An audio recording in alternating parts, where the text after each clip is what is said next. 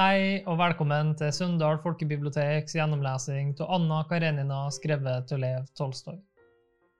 Vi holder fram med bind to, tredje del, og leser nå kapittel fire.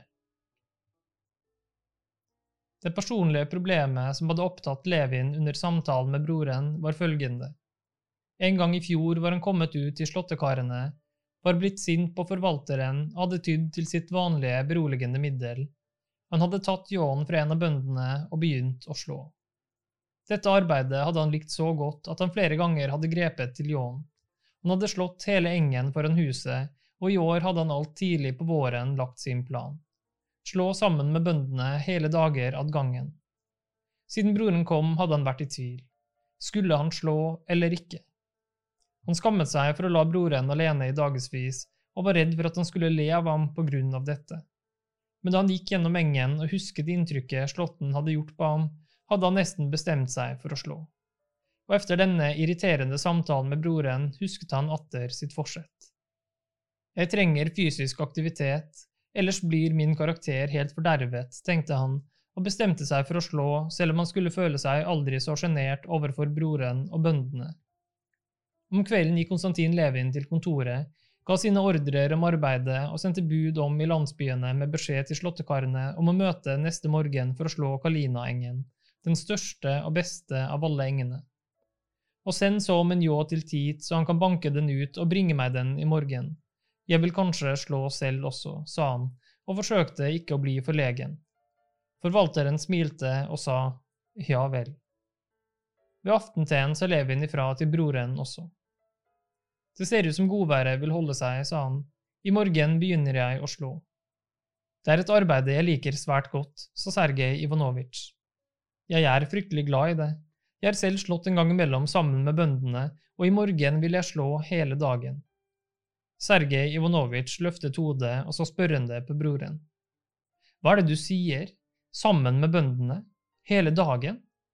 Ja, det er ordentlig deilig, sa Levin. Det er utmerket som en fysisk øvelse. Du holder det vel bare neppe ut, sa Sergej Ivanovitsj uten noen som helst ironi. Jeg har prøvet. Til å begynne med er det slitsomt, siden kommer man inn i det. Jeg tror ikke jeg kommer til å gi opp. Det må jeg si, men fortell meg så hva bøndene sier til dette.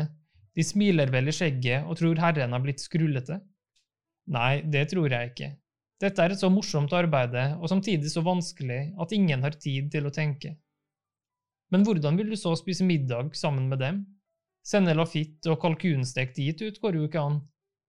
Nei, jeg drar bare hjem samtidig som de tar middagshvil. Morgenen efter sto Konstantin Levin opp tidligere enn vanlig, men han måtte ordne et og annet med gårdsdriften og ble forsinket, så da han kom ut på engen, var slåttekaren alt i gang med annen skår. Alt oppe på bakketoppen så han den skyggefulle delen av engen der nede som allerede var slått, med sine grålige skårer og sorte hauger av trøyer som slåttekarene hadde kastet av seg der de hadde begynt på den første skåren. Efter hvert som han kom nærmere, øynet han bøndene som gikk efter hverandre i en lang rekke og svingte ljåen hver på sitt vis, noen i trøyer, noen i bare skjortene. Han talte dem og kom til 42 mann. De beveget seg langsomt over den lavtliggende engen hvor det før hadde vært en dam.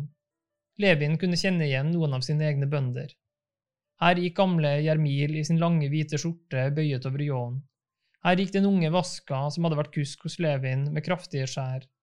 Her gikk også Tit, en liten, mager bondemann som tok seg av Levin når han ville slå. Uten å bøye seg gikk han fremst av alle. Det var som om han lekte med ljåen der han slo sin brede skår. Levin steg av hesten, tjoret den ved veien og gikk bort til Tit, som fant frem en ljå til ham og ga ham. Den er ferdig, herre, den er skarp som en rakekniv, slår av seg selv, sa Tit smilende, tok av seg luen og rakte ham ljåen. Levin tok ljåen og begynte å passe den til. Slåttekarene var nettopp ferdige med en skår og kom svette og glade i rad og rekke ut på veien og hilste leende på herren. De så på ham alle sammen, men ingen sa noe før en høy, gammel mann med rynket, skjeggløst ansikt i saueskinnsvams kom ut på veien og snakket til ham. Pass på nå, herre, den som vil være med på leken, må smake av steken, sa han, og Levin kunne høre slåttekarene le dempet. Jeg skal prøve å være med hele tiden, sa han, stilte seg opp bak Tit og ventet på at de skulle begynne. Pass på, gjentok gamlingen. Tit begynte å gå, og Levin la i vei efter ham. Ved veien var gresset kort, og Levin, som ikke hadde slått på lenge og nå ble forvirret av alle øynene som var festet på ham, slo dårlig de første minuttene, enda han veivet kraftig ut med armen. Bak seg kunne han høre stemmer. Den er dårlig skjeftet. Håndtaket sitter for høyt. Se bare hvordan han må krøke seg, var det en som sa. Skjær mer med det innerste av bladet, sa en annen. Ikke noe å bry seg om, det går nok bra, og han kommer vel inn i det, fortsatte gamlingen. Ser du, der går han.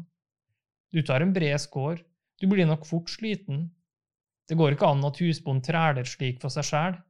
Nei, se du, for en kant han lar det stå igjen. Ja, slik nok fikk vi riktig på pukkelen for før om stunder. Nå ble gresset bløtere, og Levin som nok hørte, men lot være å svare, gikk efter tid og la seg i selen for å slå så godt han kunne. Det gikk omtrent hundre skritt.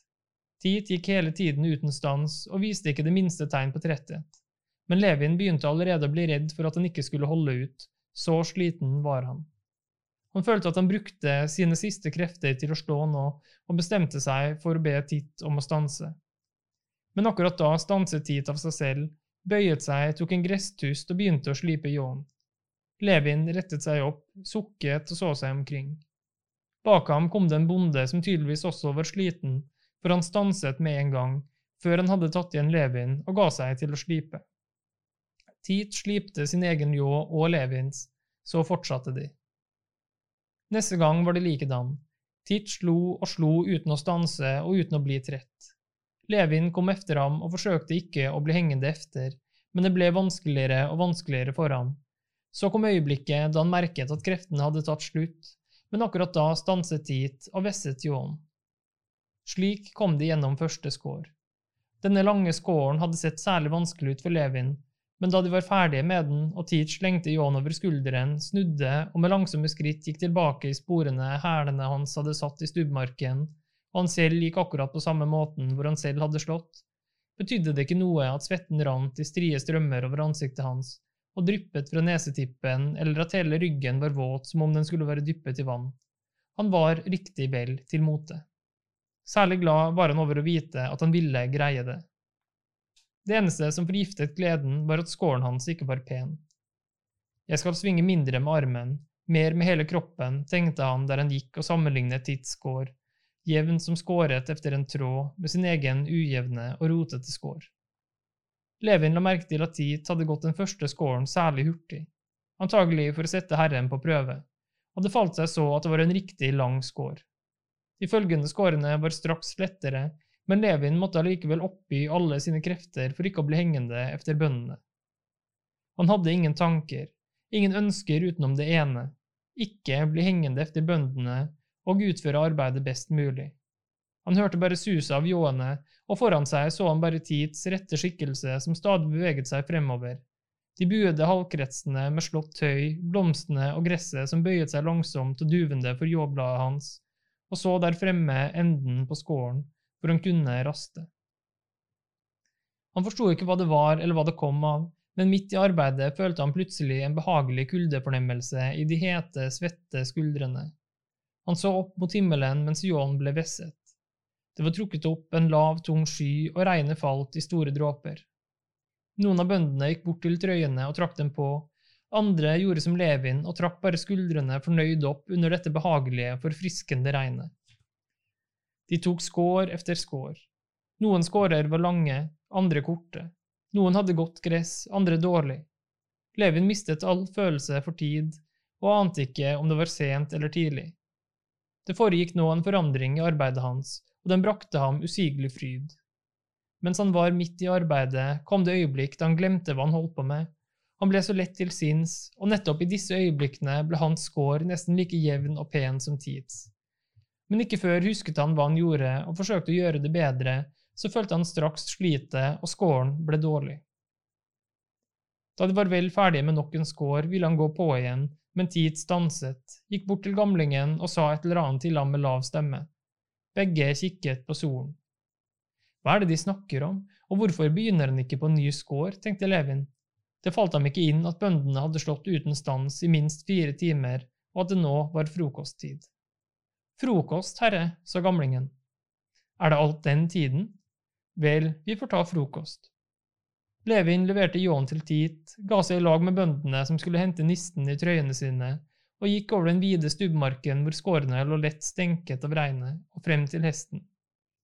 Først da forsto han at han hadde tatt feil av været, og at høyet var blitt vått i regnet.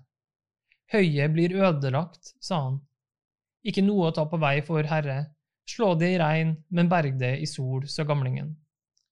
Levin løste hesten og red hjem for å drikke kaffe. Sergej Ivanovitsj hadde nettopp stått opp. Da Levin var ferdig med kaffen, dro han ut i slåtten igjen før Sergej Ivanovitsj rakk å kle seg og komme ned i spisestuen. Kapittel 5 Efter frokost kom ikke Levin på samme sted i rekken, men havnet mellom den spøkefulle gamlingen som ba ham komme bort til seg, og en ung bonde som hadde giftet seg sist høst og nå hadde sin første sommer i slåtten. Rank og rett gikk gamlingen foran og flyttet de utadvendte føttene fremover i jevne, store steg, mens han lekende lett meiet en regelmessig høy vold av gress til side med tilmålte, jevne bevegelser, som øyensynlig ikke gjorde ham mer sliten enn at han svingte med armene når han gikk. Det var liksom ikke han, men bare den vasse ljåen som skar seg inn i det saftige gresset alene. Bak Levin kom den unge Mishka. Det vakre ansiktet hans, omkranset av friskt gress han hadde bundet i håret, var hele tiden med i det strevsomme arbeidet. Men bare man så på ham, smilte han. Han ville øyensynlig før dø enn innrømme at dette var tungt for ham. Levin gikk mellom dem. Da dagen var på det aller varmeste, syntes han ikke det var så tungt å slå. Svetten som silte av ham, svalet ham, og solen som stekte ryggen, hodet og armen, hvor ermet var brettet opp til albuen, ga ham styrke og utholdenhet i arbeidet, og stadig oftere meldte de øyeblikkene seg da han ikke var seg selv bevisst og kunne la være å tenke på det han gjorde. Ljåen skar av seg selv. Dette var lykkelige øyeblikk. Enda herligere var de øyeblikkene da de kom frem til elven hvor skårene endte, og gamlingen tørket av ljåen med tykt, vått gress, skyllet stålet i det friske elvevannet, øste vann opp med brynesliren og bød Levin. Nå skal det være litt av kvasen min, God hva, sa han og blunket.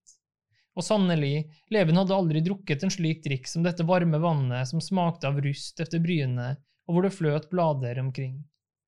Og like efter kom denne velsignede, langsomme turen med armen over ljåen da han kunne tørke av seg den silende svetten, puste av fullt bryst og la øynene gli over hele den utstrakte rekken av åndefolk, over alt som skjedde rundt ham, på marken og i skogen. Jo lenger Levin slo, jo oftere følte han disse øyeblikkene hvor han glemte seg selv, hvor det ikke lenger var armene som beveget ljåen, men ljåen selv som beveget hele det bevisste, levende legemet, og hvor arbeidet gjorde seg selv riktig og nøyaktig, liksom ved trolldom og uten at han ofret en tanke. Dette var de aller saligste øyeblikkene. Vanskelig ble det bare når han måtte avbryte denne ubevisste bevegelsen og tenke når han måtte slå en tue eller en syre som ikke var blitt luket opp. Gamlingen gjorde dette lett. Kom det en tue, slo han om takten og slo tuen med korte skjær fra begge sider, mens han snart brukte ljåspissen, snart eggen lenger inne. Og mens han holdt på med dette, hadde han øynene med seg og voktet på alt som dukket opp foran ham. Snart rev han opp en gladiolus, spiste den eller bød Levin, snart slengte han en kvist til side med ljåspissen, Snart undersøkte han et vakkelrede hvor hunden fløy opp like under ljåen, og snart fanget han en orm, løftet den opp på ljåen som på en gaffel, viste den til Levin og kastet den vekk. Både for Levin og for den unge karen bak ham var disse omslagene i takten vanskelige. De var begge kommet inn i en anspent bevegelse, og nå var de så oppslukt av arbeidet at de ikke var i stand til å forandre bevegelsen og samtidig følge med i det som skjedde foran dem. Levin la ikke merke til at tiden gikk. Hvis noen hadde spurt ham hvor lenge han hadde slått, ville han svart en halvtime, og så led det mot middag alt. Ved begynnelsen av en ny skår gjorde gamlingen Levin oppmerksom på gutter og piker som fra forskjellige kanter, knapt synlige, gikk gjennom gresset eller på veien frem mot slåttekarene med tunge knytter med brød og kvaskrukker tilstoppet med filler i hendene. Se, der har vi småkrypet, sa han og pekte på dem mens han skygget med hånden for solen. De tok enda to skårer. Så stanset gamlingen. Så, herre, nå får vi ta middag, sa han bestemt. Og da de kom frem til elven, la slåttekaren i vei mot røyene hvor barna satt og ventet på dem med middagsmaten. Bøndene samlet seg, noen lenger borte ved en kjerre, andre nærmere ved en vidjebusk de hadde kastet opp en haug med gress rundt. Levin satte seg bort til dem, han hadde ingen lyst til å dra sin vei. All sjenanse på grunn av Herren var forsvunnet for lenge siden, bøndene gjorde seg ferdige til å spise.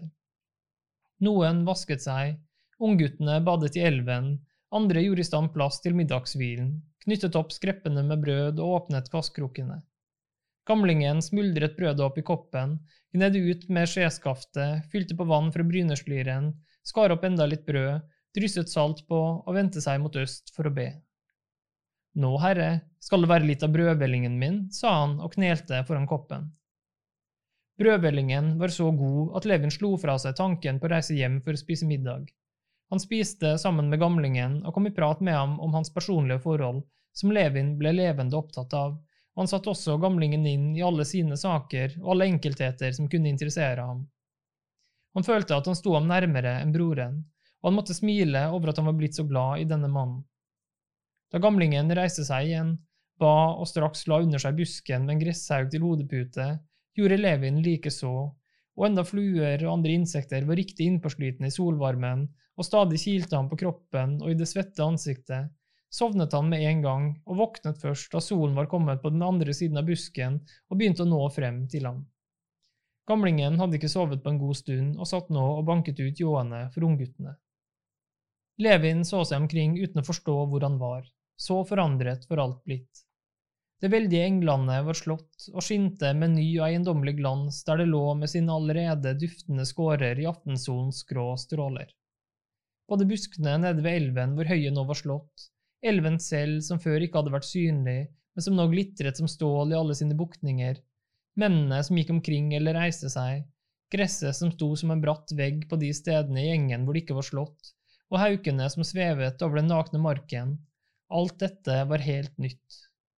Da han fikk sommet seg, begynte elevene å regne ut hvor mye de hadde slått, og hvor mye mer de kunne greie den dagen.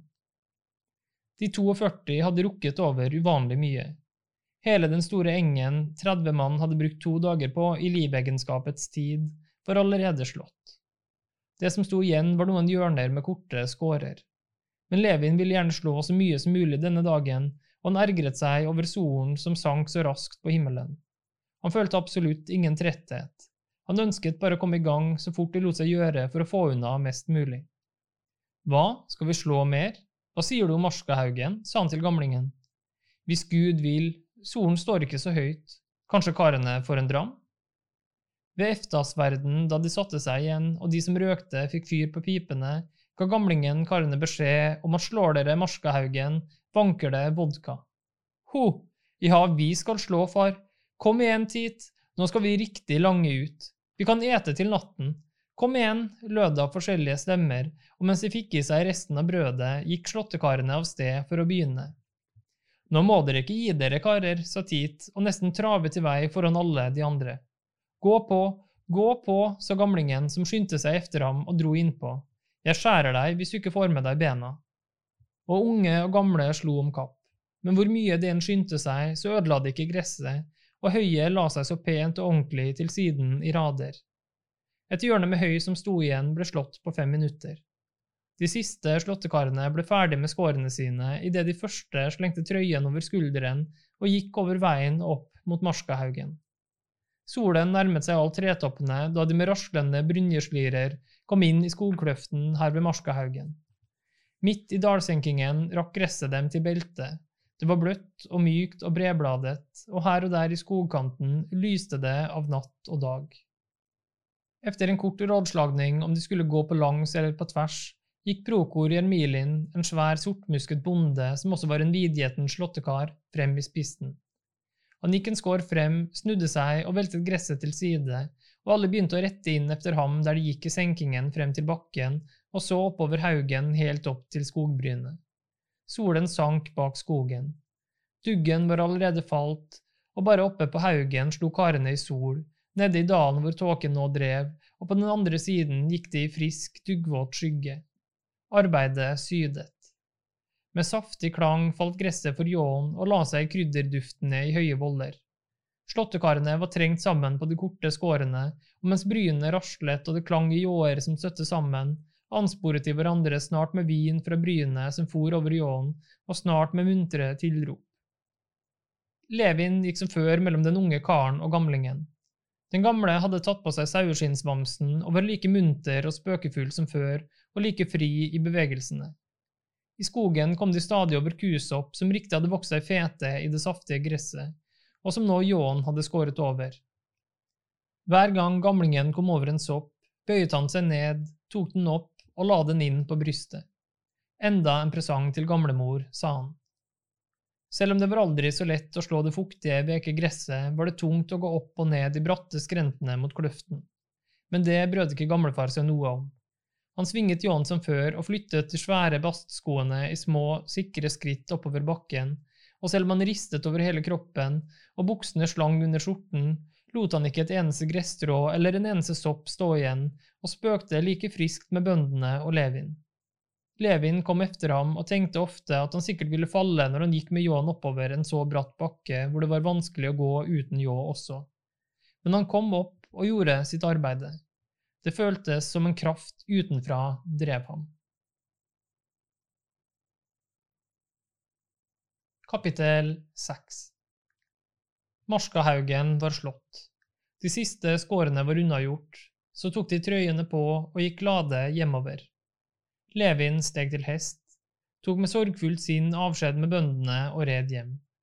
På bakketoppen snudde han seg. Han kunne ikke se dem mer for tåken som steg opp fra dalen. Han hørte bare glade, grove stemmer, latter og klangen av ljåer som slo mot hverandre. Sergej Ivanovitsj hadde for lengst spist middag og satt og drakk limonade med isbiter i, oppe på værelset sitt mens han bladde gjennom noen aviser og tidsskrifter han nettopp hadde fått i posten, da Levin med det tjafsete håret klint inntil den svette pannen og med rygg og bryst mørke av hvete braste inn på rommet hans. Tenk, vi tok hele engen. Å, så herlig, vidunderlig. Men hvordan har du hatt det? sa Levin muntert. Nå hadde han helt glemt den ubehagelige samtalen fra i går. Herregud, hvordan er det du ser ut? sa Sergej Ivanovitsj, altså misfornøyd på broren det første øyeblikket. Men døren, da, lukk døren, ropte han, nå har du sikkert sluppet inn et helt dusin. Sergej kunne ikke fordra fluer, så han åpnet vinduene i værelset bare om natten og var nøye med å lukke dørene. Ved Gud, ikke en eneste en, og har jeg sluppet noen inn, skal jeg få has på dem. Du aner ikke hvor deilig det har vært. Hvordan har du tilbrakt dagen? Jeg har hatt det bra, men har du virkelig slått hele dagen? Du er blitt sulten som en ulv nå, skulle jeg tro. Kusma har gjort alt i stand til deg. Nei, jeg vil ikke ha mat, jeg spiste der ute, men nå skal jeg gå og vaske meg. Ja, bare gå, så skal jeg straks komme efter, sa Sergej Ivanovitsj og rystet på hodet mens han fulgte broren med øynene. Gå, skynd deg nå, la han smilende til samlet bøkene sammen og gjorde seg klar til å gå. Han ble plutselig selv så glad til sinns og hadde ikke lyst til å skilles fra broren. Nå, hvor var du så mens det regnet? Regnet? Det kom jo bare noen dråper. Nå kommer jeg straks. Så du har hatt en bra dag? Ja, det var fint. Og så gikk Levin for å skifte. Fem minutter efter møttes brødrene i spisestuen. Riktignok hadde ikke Levin trodd han var sulten, og hadde satt seg til middagsbordet bare for ikke å støte Kusma. Men da han begynte å spise, syntes han middagen smakte overordentlig godt. Sergej Ivanovitsj så smilende på ham. Ja, det er sant, det var et brev til deg, sa han. Kusma, hente, er du snill, nedenunder, men pass på at du lukker døren. Brevet var fra Oblonskij. Levin leste det høyt. Oblonskij skrev fra Petersburg. Jeg har fått brev fra Dolly, hun er på Jergusjovo, og hun er fremdeles ikke helt bra. Besøk henne, er du snill, og hjelp henne med et råd, du vet jo alt. Hun vil bli så glad for å se deg, hun er helt alene, stakkar. Svigermor er fremdeles i utlandet med hele familien. Det passer meg utmerket. Jo visst skal jeg ta en tur innom dem, sa Levin. Eller vi kan jo dra sammen. Hun er en riktig prektig kvinne, ikke sant? Er det langt herfra? En 30 verst. Kanskje 40 også, men veien er prima. Det vil bli en fin tur. Med fornøyelse, sa Sergej Ivanovitsj, fremdeles smilende. Synet av lillebroren gjorde han umiddelbart lystig stemt. Ja, du har appetitt, ser jeg, sa han og så på det solbrente, rødbrune ansiktet hans og halsen som bøyet seg over tallerkenen. Fortreffelig, du aner ikke hvor nyttig et slikt levevis er mot alskens dumme nykker. Jeg vil berike medisinen med et nytt faguttrykk. Arbeidskur. Nå, det ser da ikke ut som du trenger noen slik. Nei vel, men forskjellige nervepasienter kan trenge det. Ja, det må forsøkes. Jeg ville jo dra ut til Slåtten for å se på deg, men det var slik en uutholdelig hete, så jeg gikk bare til skogen. Jeg satt en stund og gikk så gjennom skogen til landsbyen, traff ammen din og sonderte henne om bøndenes syn på deg. Så vidt jeg kunne forstå, liker de ikke dette. Hun sa, det er ikke arbeidet for en herre. Det forekommer meg i det hele tatt at i folkets bevissthet er det meget bestemte krav som stilles til herremannsarbeidet, som de kaller det, og de godtar ikke at herremennene går utenfor de rammene som er trukket opp i deres bevissthet. Kan så være, men dette var en nytelse jeg aldri har kjent magen til i hele mitt liv, og noe galt er det jo ikke, ikke sant, svarte Levin. Det er da ikke noe å gjøre ved at de ikke liker det. Men forresten tror jeg ikke de bryr seg noe om det. Hva? Du er i det hele tatt, fortsatte Sergej Ivanovitsj, fornøyd med dagen, ser jeg. Svært fornøyd. Vi har slått hele dagen, og for en kjekk, gammel kar jeg er blitt venn med. Du kan ikke forestille deg hvor sjarmerende han var. Nå, så er du fornøyd med dagen. Det er jeg også. For det første har jeg løst to sjakkproblemer. Det ene var riktig søtt. Det er en åpning med en bonde. Jeg skal vise deg det. Og så har jeg tenkt på samtalen vår fra i går. Hva? Samtalen fra i går? sa Levin og myste salig mens han pustet ut etter middagen. Han var absolutt ikke i stand til å huske hva det var for en samtale. Jeg finner at du har delvis rett. Vår uenighet består i at du oppstiller den personlige interesse som motiv, mens jeg forutsetter at alle mennesker på et visst dannelsestrinn eier en interesse for det allmenne vel. Du har kanskje rett i at en materielt interessert virksomhet ville være ønskeligere. I det hele tatt er du en altfor prim sortier natur som franskmennene sier, du vil ha lidenskapelig, energisk virksomhet, eller intet. Levin hørte på broren og kunne absolutt ikke huske noe, og ønsket heller ikke å huske. Han var bare redd for at broren skulle stille ham et spørsmål som ville avsløre at han ikke hadde oppfattet noen ting. Så så, lille venn, sa Sergej Ivanovitsj og klappet ham på skulderen. Ja, naturligvis, det skulle bare mangle, jeg skal ikke plukke på mitt, svarte Levin med et barnslig, skyldbevisst smil. Hva var det nå jeg var uenig med ham i, tenkte han. Naturligvis har både jeg rett og han rett, så alt er i sin skjønneste orden.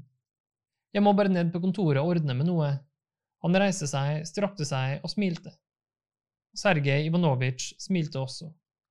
Hvis du spaserer, kan vi gå sammen, sa han. Han hadde ingen lyst til å gi slipp på broren som førte med seg slikt et sunt og friskt vær. Kom, så går vi innom kontoret, hvis det er det du må. Å herregud, ropte Levin så høyt at Sergej Ivanovitsj ble ferden. Hva er det i veien, hva? Hvordan er det med hånden til Agafja Misjalovna, sa Levin og slo seg for pannen. Jeg har glemt henne. Mye bedre. Nå, jeg løper ned til henne allikevel, jeg er tilbake før du rekker å få på deg hatten. Så for han ned trappen så hælene slo den rene trommevirvel. Takk for oppmerksomheten. Oppleser var Torgeir Brun. Podkasten er produsert av Sunndal folkebibliotek ved Torgeir Brun. Dette prosjektet her er støtta av Nasjonalbiblioteket, og takk til Gyllendal Norsk Forlag for bruk av deres oversettelse.